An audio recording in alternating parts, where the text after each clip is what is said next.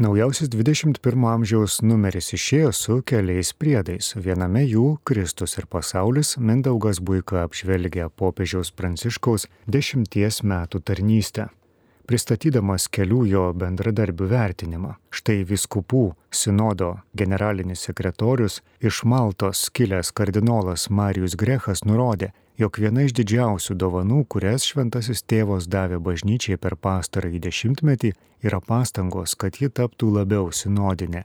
Šis bendrystės siekio tikslas yra viso pastoracinio mokymo pagrindas, nes popiežius Pranciškus tvirtai įsitikinęs, kad negali būti tikinčiųjų kaiminės be ganytojo ir ganytojo be artimos kaimenės. Toks požiūris katalikų bažnyčios gyvenime vis ryškiau juntamas nuo pastarojo pontifikato pradžios. Reikia turėti viltį, kad ateities perspektyvoje visuotinė bažnyčia dar geriau supras tą malonės naudą, kurią viešpats jai suteikia per šventojo tėvo pastangas, kad visi kiekvienos bažnytinės bendruomenės nariai įsijungtų sinodinį procesą. Kuo daugiau bažnyčia taps sinodinė, tuo didesnė dvasinių dovanų gausa bus praturtinta visa Dievo tauta, vis labiau atskleis turimą evangelizavimo potencialą, stengiantis, kad šiandieno žmonija galėtų sutikti prisikėlusįjį. Pasauliečių šeimos ir gyvybės dikasterijos prefektas, airių kilmės Junktinio Amerikos valstijų kardinolas Kevinas Farelas sakė, kad per praėjusį dešimtmetį popiežius Pranciškus padarė didelę pažangą bažnyčioje, nes iš esmės atnaujino jos narių tiek dvasininkų, tiek ir pasauliečių mentalitetą.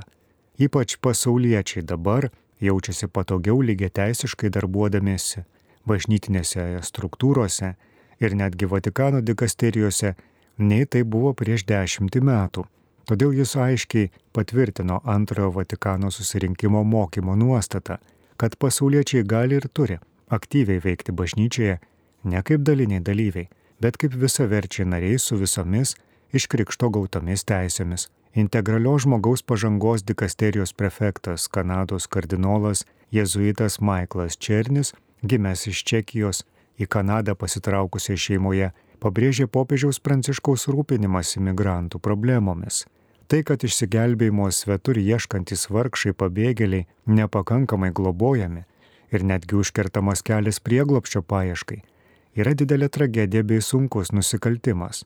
Šventojo tėvo įsitikinimu tikrai veidmainiška kalbėti, kad negalima rasti sprendimų migracijos problemoms, todėl reikia visomis priemonėmis siekti, kad būtų nutraukta tiesioginė ar nebili panieka svetimšaliams, jų prieimimui skiriant pakankamai išteklių, tiek materialių, tiek ir teisinių.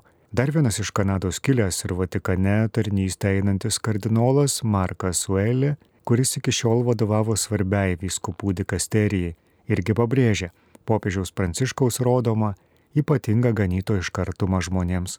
Tai turi įtakos skiriant naujus bažnyčios hierarchus. Tai pirmiausiai ieškoma ganytojų, kurie būtų tikri ir patikimi ir tik paskui geri administratoriai. Šventasis tėvas nori, kad viskupai būtų kupini gyvybingo paštalavimo siekių, rodytų ne tik reikalingą drausmę, bet ir bendrystę. Norėtų ir mokėtų išklausyti tikinčiosius, savo kunigus ir brolius iš viskupų konferencijos. Laikraščio priedė už laisvę prisimenamas partizanų generolas Jonas Žemaitis Vytautas. 26 metų Ana Luiza Monse, generolo Jono Žemaičio produkterėčia. Atrodo ryšys tolimas, bet tai viena iš nedaugelio likusių gyvybės gyjų, jungiančių generolą su nepriklausoma Lietuva. Anos prosenelė Kotrina Jono Žemaičio sesuo, o senelės aušros prisiminimai yra tas atminties siūlas, kurio teka vis dar gyvi prisiminimai apie dėdę Joną, kurių klausydamasi užaugo Ana bei trysios seserys ir kurie karui Ukrainoje įsiplieskus atvedė ją į Jono Žemaičio karo akademiją Vilniuje. Istorijos ratas apsisuko. Po Jono Žemaičio esu pirmoji iš mūsų šeimos siekianti tapti karininkė. Mano seneliai tuo džiaugiasi. Jei anksčiau prie arbatėlės kalbėdavome apie orą, dabar seneliai klausia, su kokiais ginklais mokausi šaudyti, juokėsi Ana. Tapusi jaunesniųjų karininkų vadų mokymų klausytoje, prieš mėnesį Ana generolo Jono Žemaičio aikštėje davė priesaiką Lietuvai. Kitame tekste rašoma apie generolo Jono Žemaičio Vytauto minėjimą Seime ir kartu dokumentinio filmo Juozas Jakavonis Tigras premjera. Trečiame priedo tekste Lietuvos partizanų vado Adolfo Ramanausko Vanago 105-ųjų gimimo metinių minėjimo įvairiose vietose atgarsiai. Priedė sidabrinė gyja prisimenamas politinis kalinys gydytojas Algirdas Atkevičius, o priedė provita apžvelgiama popiežiškosios gyvybės akademijos 28 asamblėje. Laikraščio 21 amžius apžvalgą parengė laikraščio redakcija